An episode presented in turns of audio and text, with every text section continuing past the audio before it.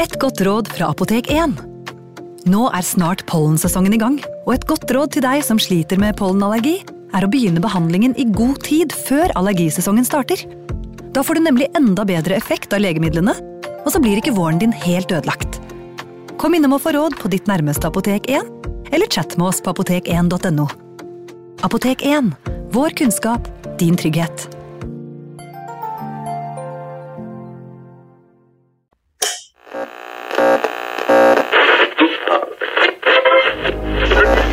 Vi skal gjenta særmeldingen i dag. Nummer én Kjerringa er galen. Nummer to På ski over lyng og kvast. Nummer tre Baklengs inn i aftensangen. Baklengs inn i aftensangen.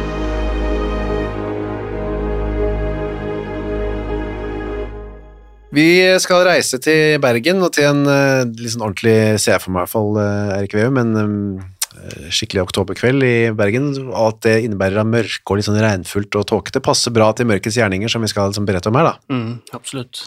Det er 25. oktober, spilles inn 25. oktober, så vi kan jo da se for oss at det er ja, Vi sitter her 79 år etterpå, da. Mm.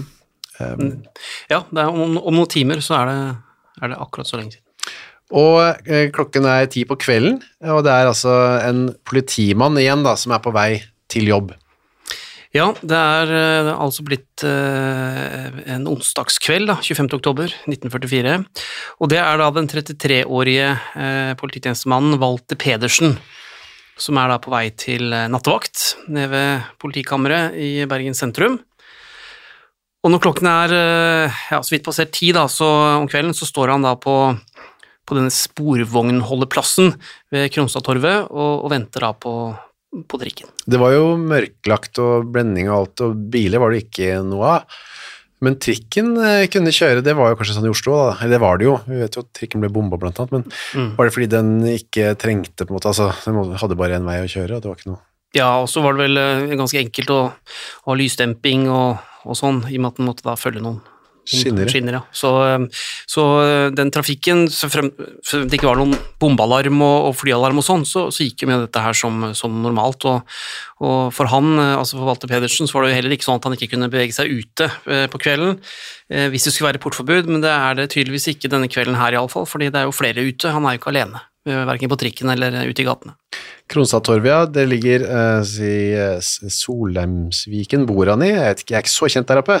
Innerst i Puddefjorden skriver du i boka di. Ja, um, og ved foten av, av Løvstakken, da, som er jo et av Bergens uh, syv fjell, for de som, som vet det. Og mm. um, uh, altså, han kunne ha gått, det er ikke lenger enn at det er i og for seg en, en, en grei gåtur, men uh, her var det jo øh, det var jo blitt sendt på kvelden, han skulle da øh, rekke jobb, og, øh, og da var det nok det sikkert mest behagelig å sette seg på, på trikken da, før nattskiftet. Ned til sentrum, da, eller til ja, politistasjonen.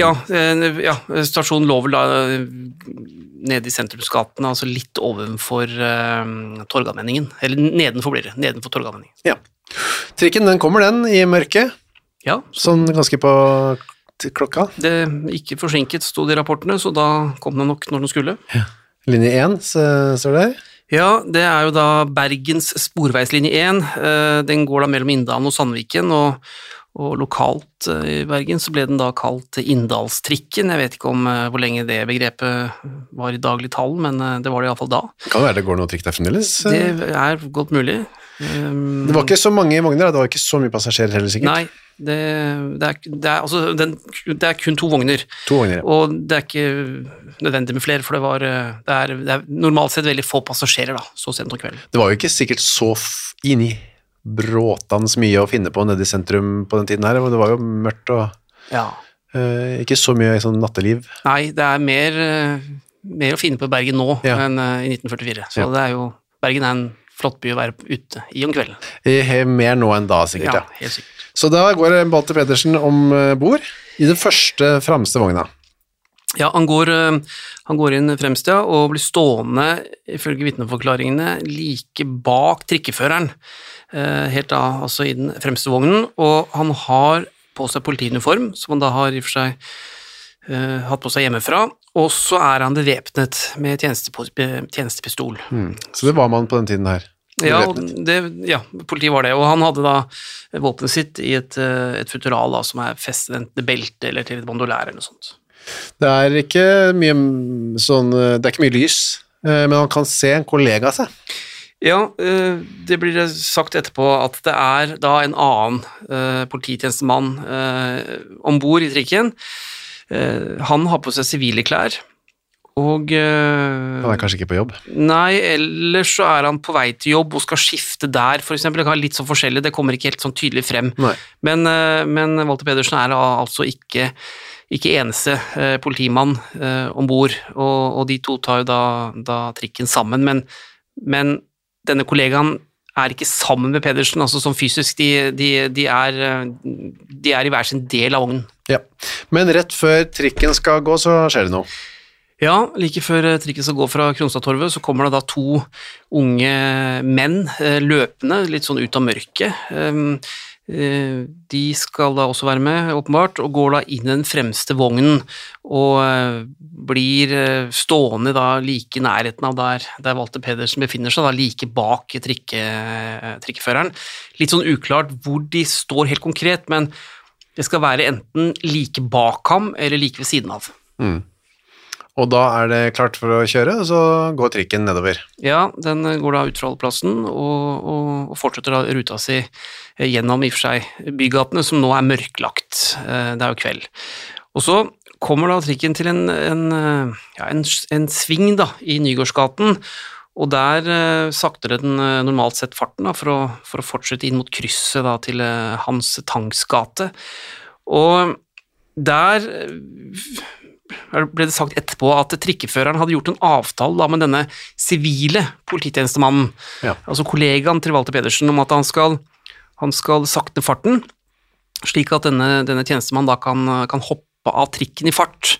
Der er tydeligvis ikke noe holdeplass der, men eh, det hender jo at man ja, ikke vil være med lenger og, og går av der for å være nærmere hjem eller hvor han nå skulle hen. Ja, fordi det var ikke noen sånne dø- dører som skulle åpnes, det var bare å gå rett ut. Da. Ja, det virker sånn, ellers så kunne kanskje døren åpnes eh, selv om trikken var i, Ja. i fart. Det var jo litt annen teknologi den gangen. Ja, praktisk egentlig, hvis det kunne være sånn også.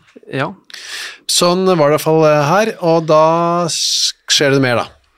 Ja, for idet denne sivile tjenestemannen da går ned på stigtrinnet for å hoppe av eller gå av trikken da i fart, så merker han at det, det er noe, noe, noe uro bak seg, eller noen bevegelser bak seg inni trikken. Dette er da den sivile politimannen Ja. vi snakker om. nå. denne andre tjenestemannen da, som er om bord sammen med Walter Pedersen. Og han, eh, han snur seg idet han eh, i og for seg registrerer at det, det, er noe, det er noe som skjer bak ham, og da ser han en av de mennene som nettopp da kom inn på trikken, altså løpende da, da inn fra mørket, eh, rette, altså løfter eh, hånden eller armen med, med en pistol som han holder, og så holder han den pistolen mot hodet til Walter Pedersen, altså politikollegaen. Og så, det neste han hører, er da et lavt smell, og så ser han da at Walter Pedersen faller over ende, og så blir han liggende på gulvet da inni denne trikkevognen, like ved siden av øh, vognføreren. Og så, Dette ser jo da denne sivile tjenestemannen, og så um, Han står også da fortsatt på stigetrinnet, altså han ser da alt som skjer.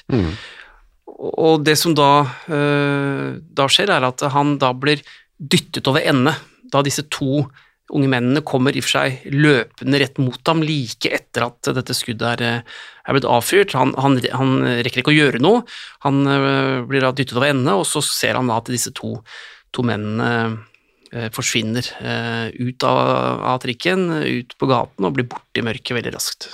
Og trikkeføreren stopper da trikken da, antagelig. Ja, denne sivile tjenestemannen sier da til eller vognføreren at du nå, nå, nå må du stå rolig her, holde trikken i ro, og så øh, hopper han av, eh, eller ut av vognen og løper da til en telefonkiosk, eh, eller nærmeste telefon står det da i, i, i rapporten, og så varsler han da eh, politikammeret, altså kollegaene eh, der nede, og den telefonsamtalen eller, eller eh, meldingen blir da registrert inn eh, et sted mellom ti over ti og ti på halv elleve, Mm. altså om kvelden, da. eh, 25. oktober 1944. Ja. Så kommer det folk til, ambulansepoliti. Han fraktes til sykehuset. Da lever han fortsatt, eh, Walter Pedersen. Ja, for det er, det er bare rapportert om ett skudd, og det kan godt være at det ikke Eller, altså, det var ikke dødelig, eh, og det kan godt være også at man hadde håp da om å, om å redde liv, fordi man får Walter Pedersen eh, raskt til sykehus. Han blir eh, registrert som fortsatt i live, og, og blir faktisk, først sendt til legevakten, men, men derfra eh, fraktes han da opp med ambulanse til, eh, til eh, Haukeland sykehus. Men man jobber jo her da for å, for å redde livet hans, fordi det er da registrert både puls og hjerteslag eh, eh, i, den, i, eller, altså i timene etter, eh, etter attentatet, eller altså etter likvidasjonsforsøket. Ja, det er jo inngangen her, det at de døde ikke så momentant som man eh, i hvert fall ikke ser, altså, som man ser på film, da, hvor man, de dør nesten i det øyeblikket de blir skutt, men sånn Ja. var det veldig ofte ikke. Her er det, altså, som vi har snakket om noen ganger nå, så er det jo skudd gjennom hjertet, eller uh, hodeskudd, eller skudd med veldig massive blødninger. Da dør man raskt, ellers så kan man leve ganske lenge med, med et prosjektil i magen eller i brystet, eller Ja. Til og med i halsen. Det kom inn meldinger til statspolitiet ti på halv elleve. Eh, to revolverbanditter, sa man da. Ja, det ble registrert som det, da. Altså eh, at det var da noen banditter som sto bak aksjonen. Eh, men der, i det første rapporten, så står det også at Walter Pedersen ble skutt gjennom, eh, gjennom hodet, og det er da man ganske raskt kommer frem til at det er da et ja, en, en, et viljet angrep da, Ja. på en eh, tjenestemann. Ja, for man vet jo ganske fort at han er politimann. Ja, i og med at han hadde uniform og, og ble jo raskt gjenkjent, og jeg antar også at når ambulansen kom, og også varselet fra denne sivile eh, tjenestemannen, så, så ble det nok da varslet om at det var en, en, en polititjenestemann som var, eh, var, var angrepet. da. Og så vet man også fort at det er en medlem av NS som er blitt skutt. Ja, det kommer ganske raskt frem. Det blir journalført at det er av et NS-medlem, og så blir jo kriminalpolitiet koblet på. Det skjer jo veldig raskt, fem på halv elleve, altså bare noen minutter etterpå. Og, og da blir det også registrert at det er da en eh, tjenestemann i ordensavdelingen, Walter Pedersen, som er skutt, og da at han er NS-medlem. Så da, da eh, antar man at det er et attentat, og når det da i tillegg blir bemerket at pistolen hadde påmontert en lyddemper, så, så er det jo ganske opplagt hva som har skjedd. Så eh, snakker vi med Haukeland. Eh, de får vite at han er bevisstløs, men halv ett dagen etter så er han eh, erklært død. Ja, eh, gjennom natten da, så har du jo jevnlig kontakt med Haukeland sykehus, eh, altså vakthavende på politikammeret, men som du sier, altså klokken, eh, klokken halv ett da, dagen etter, så blir Walter Pedersen offisielt erklært død, og, og dødsdaten, dødsdatoen blir da dermed satt til 26. oktober, Ja. altså dagen etter. Og så er spørsmålet, hvem var det som skjøt Walter Pedersen? Ja, og denne likvidasjonen har vært ganske omstridt blant eh, historikere og, andre som har i og for seg kartlagt det som skjedde rundt eh, attentatet da mot eh, Walter Pedersen. Um, litt ulike versjoner, og faktisk helt opp til, opp til i dag så, så går debatten. Altså, hvem var det egentlig som skjøt ham? Ja. Men, hvor, hvor er det denne debatten foregår? Ja, det, er, altså, det har vært mye i, i, Bergen Ja. mellom blant annet eh, etterkommere, Ja. ikke etter Pedersen, men etter de som var involvert, De som skjøt, kanskje? de som skjøt, ja, eller som han antar skjøt. Mm. Og så er det noen historikere som har ment at det var ikke helt slik det foregikk, og så har det vært en veldig sånn eh, I og for seg, den kom opp de, gjennom de siste årene, men den har vært veldig sånn emosjonell og, og betent. Ja. Men eh, jeg fikk jo ut av en del dokumentasjon som ikke har vært åpen tidligere i arbeidet med denne boken her, da, altså de kalte dem rottejegere, og, og der mener jeg iallfall å kunne peke litt, kanskje litt sikrere mot ett miljø enn mot et annet. Ja. Eller i og for seg, vi vet hvilke miljøer som er involvert, men det er litt hvem var denne unge mannen som hevet pistolen, eller hevet armen med pistolen, Ja.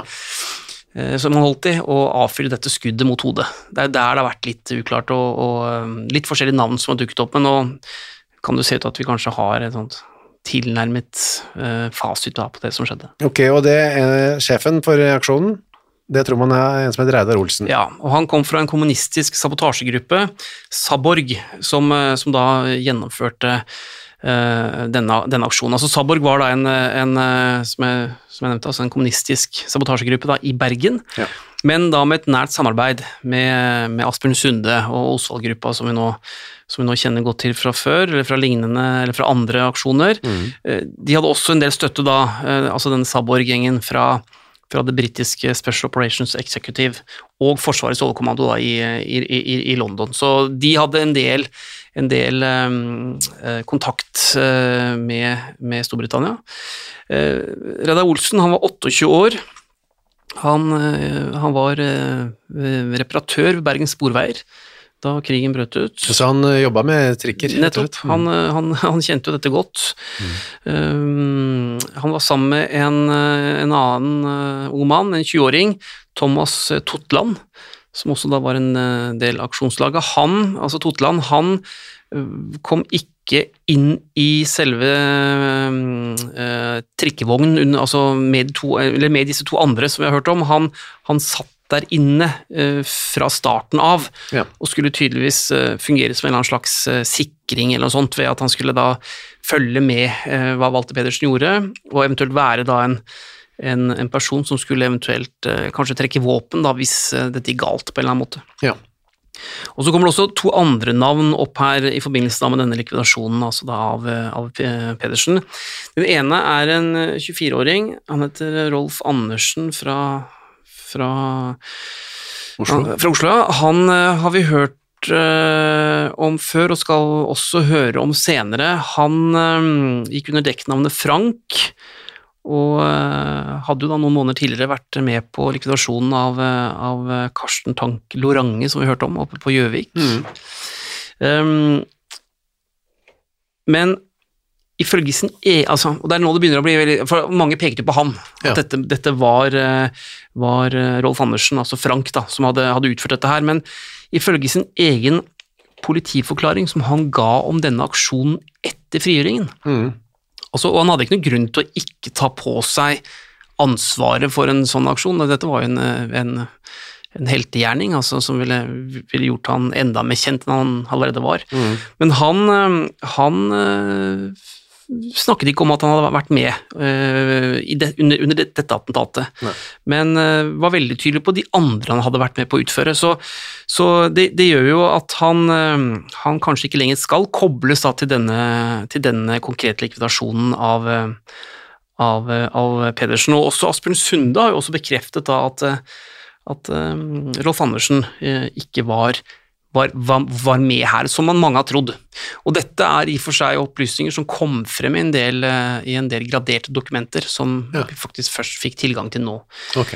Så um, Det er en annen som uh, var med. ja, det er en Arne Gundersen fra Porsgrunn. Han, uh, han uh, tilhørte også Osvald-gruppen og var sammen med Rolf Andersen da, sendt over til Bergen for å hjelpe til, annet for å fungere som instruktører, og da bistå i sabotasjeaksjoner og likvidasjoner. Ja. Rolf Andersen dukker jo opp eh, senere en senere episode her, Ja, også i Bergen. Ehm, det at de ble sendt over, var også for å utføre disse likvidasjonene, nettopp fordi at ingen i Saborg sa seg villig til å gjøre det, og det er der mye av, av konflikten da etterpå har, har kommet opp, da, fordi etterkommerne til disse Salborg-medlemmene har jo ment at dette var noe de faktisk både var i stand til og ønsket å utføre. Ja. Så det er, um, ja, det er litt ulike versjoner, men det er i og for seg ikke så, så vesentlig hvem av de fire som avfyrte det skuddet. Poenget er vel eh, viktigst her at Walter Pedersen han døde noen timer etterpå, og det er da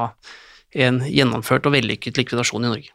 Men hvem var Willy, ikke Willy Pedersen? Walter Pedersen? Walter Pedersen han eh, var jo opprinnelig fra Bergen, han var gravør av, eh, av uh, yrke. Han, Altså, eh, hva er det? Det er en person som kan drive og, og lage sånn uh, altså skrift, dekor og, og, og lage merker og sånn på, på smykker eller forskjellige gjenstander av metall, altså en sånt ja, en hånd, eller ikke en håndverker kanskje, da, men en uh, En slags, da. Ja, jo da. Og kanskje ikke det man forbinder da med en, en sånn røff politimann eller tjenestemann, men det er jo litt sånn fin, Ja. fin mekanikk. det er å lage hjerter og, og, og sånn Din Else og sånn, og skrive på gifteringen, og sånn, ja. riktig. Så, Det er et koselig yrke, da. Ja, Det var noe annet enn det han på, si, endte opp med å holde på med, da. Ja, han eh, kom jo da inn som eh, en såkalt reservepolitikonstabel da, ved, ved kammeret i Bergen, og der blir han ansatt 1. mai 1941, og blir da rekruttert, eller forfremmet, eller hva man skal kalle det, som en politiaspirant 10. desember eh, samme år. Og så eh, kommer han inn etter hvert i ordensavdelingen, men da, på et eller annet tidspunkt, så starter også da Walter Pedersen en eller annen form for et samarbeid med da statspolitiet og, og deres eh, avdeling i, eh, i Bergen. Og det er jo her det dukker opp noen sånne uklarheter, hvor formelt det, dette samarbeidet eller denne tilknytningen var. Det, det vi det jeg tror, eh, ut fra hva jeg har funnet av dokumentasjon, er at Pedersen han, han deltok i noen av statspolitiets um, oppdrag og en del av denne daglige virksomheten, men det var det også mange andre tjenestemenn som ble beordret til fra ordensavdelingen og, og, og kriminalpolitiet. Men um, der det begynner å bli kanskje litt mer åpenbart at han var involvert i mer enn bare vanlig politiarbeid, det er jo at han også begynner å, å, å dukke opp i en del av disse anmeldelsene som går til statspolitiet, hvor han da som tjenestemann i politiet også da blir selvfølgelig lagt merke til og lyttet til, fordi i statspolitiet så var det selvfølgelig ekstra tro- troverdig at han var politi. Men det var anmeldelser han gjorde, da, ting Ja. han syntes burde påpekes. Ja, men, men det, det var sånne bagatellmessige saker. eh, eh, For eksempel så anmeldte han eh, en kvinne som hadde et sånt eh, ja, et sånt pussig mønster på et skaut, som han mente da var eh, eh, hva skal jeg si, en hån mot da Nasjonal Samling. Han anmeldte noen slektninger fordi de, som han mente, da hadde stått bak forfølgelse av ham og hans foreldre. Eh, åpenbart en eller annen uenighet da om politikk. Og, og disse sakene ble, ble, ble henlagt, men, men eh, i motstandsbevegelsens registre og blant dem som lekket ut informasjon fra politiet, så er det etter hvert et, et mønster, og man mener at Walter Pedersen da har en sånn, som de sier, en betydelig lidenskap som går, på, som går ut på å håndheve okkupasjonsmyndighetens nyordninger og rigide regelverk, er det som står. Ja, fordi Hvis du skal gå og anmelde en dame for å gå med et sånt spesielt mønster på et skaut, så har du jo, er du ganske dedikert i Ja. jobben din. Du har en motivasjon, mm. og mener nok at det da er riktig å gjøre. Og så var han NS-medlem. Ja, og alt dette her går jo da etter hvert eh, eller, eller fører etter hvert til at han blir da registrert som motstands, eller i motstandsmiljøet som en av de mer overbeviste medlemmene av Nasjonal Samling ved Bergen, ja. Bergen politikammer. Men han er samtidig ikke noe spesielt aktiv i, i partiarbeid utenfor polititjenesten. Så um, det er, det er Altså, det, er, det vil nok alltid være litt, litt sånn uklart hvor aktiv og hvor farlig han egentlig var. Ja. Ok, men han hadde så familie, gifta seg i 42. Ja, da, um, det skjer jo like etter at han i og for seg ble fast ansatt i politiet. Det er 14. februar i 1942, da, så, så er det en fire år yngre Solveig Bergljot Johnsen som han, eh, han blir viet til da i Bergen eh, domkirke, og så får de en sønn eh, i januar eh, 1944. Og jeg husker jo dødsannonsen til han Walter Pedersen. Da. Der står du under Jarle-gutt, som det er, er sønnen hans. Ja, han var jo ikke gamle, han var ti, ti måneder. Han, ja, og, um, og uh, Så han var, han var forholdsvis nybakt pappa da, idet han, uh, han blir likvidert. Um, men vi må jo også ta med her en ting til, og det er at uh, i, igjen da, så må jeg bare vise til arkivene og, og de registrene som, som Saborg hadde i Bergen, men der, der står også Walter Pedersen ført opp da som, som informant for det tyske sikkerhetspolitiet, altså Gestapo.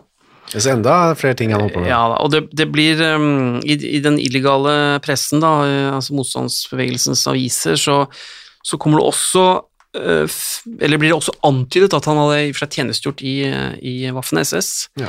Men det blir aldri dokumentert i hvilken um, avdeling eller hva det egentlig var, og jeg har i og for seg ikke funnet noen tydelige spor etter, at etter Walter Pedersen, og at han da hadde hadde utført noen form for tjeneste som frontkjemper, f.eks. Det som er klart, er at han øh, Han var musiker, altså han kunne spille, øh, så han var jo med i Hirdmusikken. Og, Og Vet du hva han spilte, eller? Nei, det ikke annet enn at han da hadde tidligere, som det står, mange års erfaring som korpsmusikant. Ja. Og hadde spilt både i Sandviken musikkorps og Lungegårdens ungdomsmusikkorps. Ok. Og så var han også med da i Unghirdens lokallag ute i Laksevåg. Det var ikke noe, det trakk ikke noe retning av skulle likvideres. Nei, det var ikke nok til å bli likvidert. Men uh, som en del av et mønster så får vi jo her et inntrykk av en polititjenestemann, veldig dedikert i jobben sin for å ramme motstandsbevegelsen, veldig ideologisk inspirert, og hvis man da er mistenkt for å både være informant og samarbeide med statspolitiet, så begynte man jo å ligge litt dårlig an. I disse tider her. Ja, og man må også huske på at um, det kan være så enkelt også som at man ønsket å ta en tjenestemann som et eksempel. Mm. Fordi i Bergen var det jo mange i politiet som uh, jobbet veldig aktivt mot uh, motstandsbevegelsen. Og ved å likvidere, altså drepe en av dem, så sender man jo et signal til de andre, som vi skal høre mer om senere. Det var en liste som eh, SOE, da, Special Operations Executive, eh, hadde laget, og der, der var det 60 personer som Ja. eh, ble vurdert som farlige eller angivere, men han sto ikke på den lista. Nei, nå var det riktignok kun 14 av dem som skulle uskadeliggjøres, da, eller, eller drepes, ja. som det sto, men, men Walter Pedersen var ikke på den lista. Men likevel så skal han altså likvideres, da. Ja. Og da var det Saborg, som du sa, denne kommunistgruppa. Eh, Asbjørn Sundes eh, Osvald-gruppe var en slags sånn søstergruppe, da, på en måte. Ja, og det ble da bestemt at siden Saborg eh, i og for seg ikke var i stand til eller ønsket å utføre et slik aksjon, altså, så ble det da, som vi nevnte, tilkalt eh, forsterkninger fra, fra Osvald-gruppa Ja, så spante, så spante de på flere, flere stykker, og blant dem Walter Pedersen. Altså Ja. Det var litt sånn research før Ja. det gikk. For det er der han dukker opp. Ja. Altså, han står ikke på denne lista som eh, man fikk fra Storbritannia, men gjennom spaningen da, så, Ja. så, så mener man at man ser at det er Walter Pedersen som er mer sentral enn man trodde, og da blir det også bestemt at han skal tas livet av. Og da er det også flere andre som kommer på en slags eh, ny liste da, til Saborg. Eh, og der er det en, blant annet en som heter Bjørgan, en som heter Johansen, og en som heter Olav Mikael Njøten. Ja. Eh, han skal vi også høre mer om, da. Han skal vi høre mer om, denne siste Njøten. nyheten, men eh, ellers så dukker det opp da flere, men dette er jo også sentrale ledere i statspolitiet, Ja. og i og for seg, eller både sentrale polititjenestemenn og ledere i, i statspolitiet, men, eh, men Walter Pedersen kom jo da litt sånn overraskende inn fra siden. Riktig. Uansett så er han nå likvidert og død, eh, og da skal han begraves.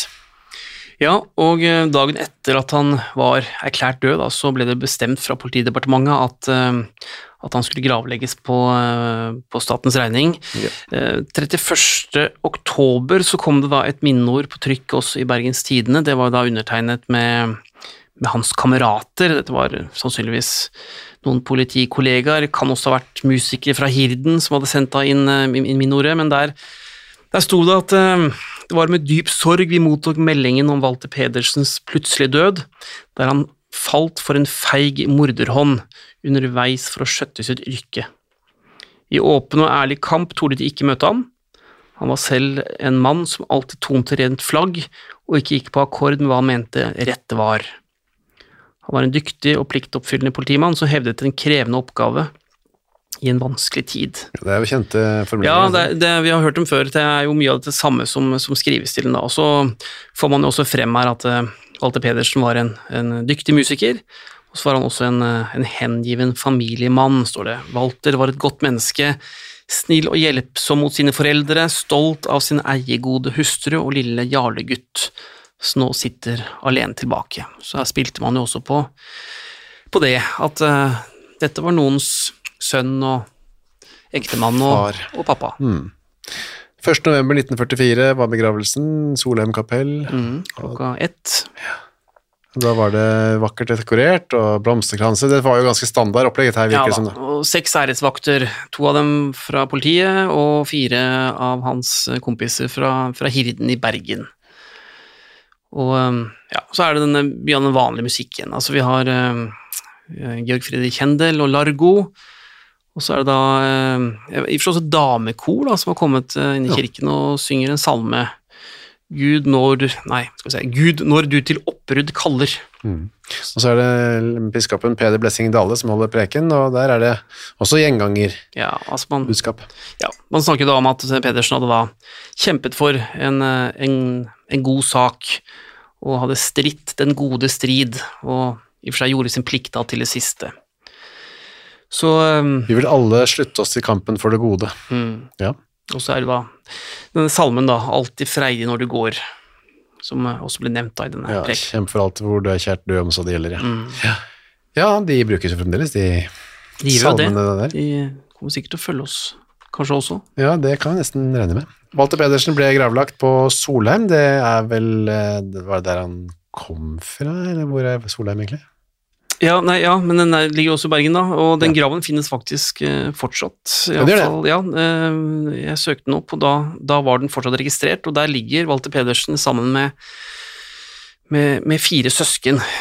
Og enken etter han, da, altså hun Solveig, hun giftet seg trolig på nytt, Mm. og hun døde i 1994, og hun er også gravlagt oppe på Solheim. Men på hennes gravstein så står det et annet etternavn. Så enten så fant hun seg en ny mann, eller så tok hun tilbake pikenavnet. Ja. Det, det vet jeg ikke. Og lille Jarlegutt. Jeg vet heller ikke hvor det ble av han. Han kan jo fort leve fremdeles. Han han. kan faktisk leve fortsatt. Takk for denne ukas eh, beretning, Erik. Selv takk. Vi skal tilbake igjen til eh, Neste gang blir det groteske greier. Ja, det neste er, er tung.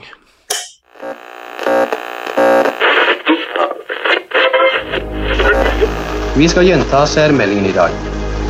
Nummer én Kjerringa er galen. Nummer to På ski over lyng og kvast. Nummer tre Baklengs inn i aftensangen. Baklengs inn i aftensangen.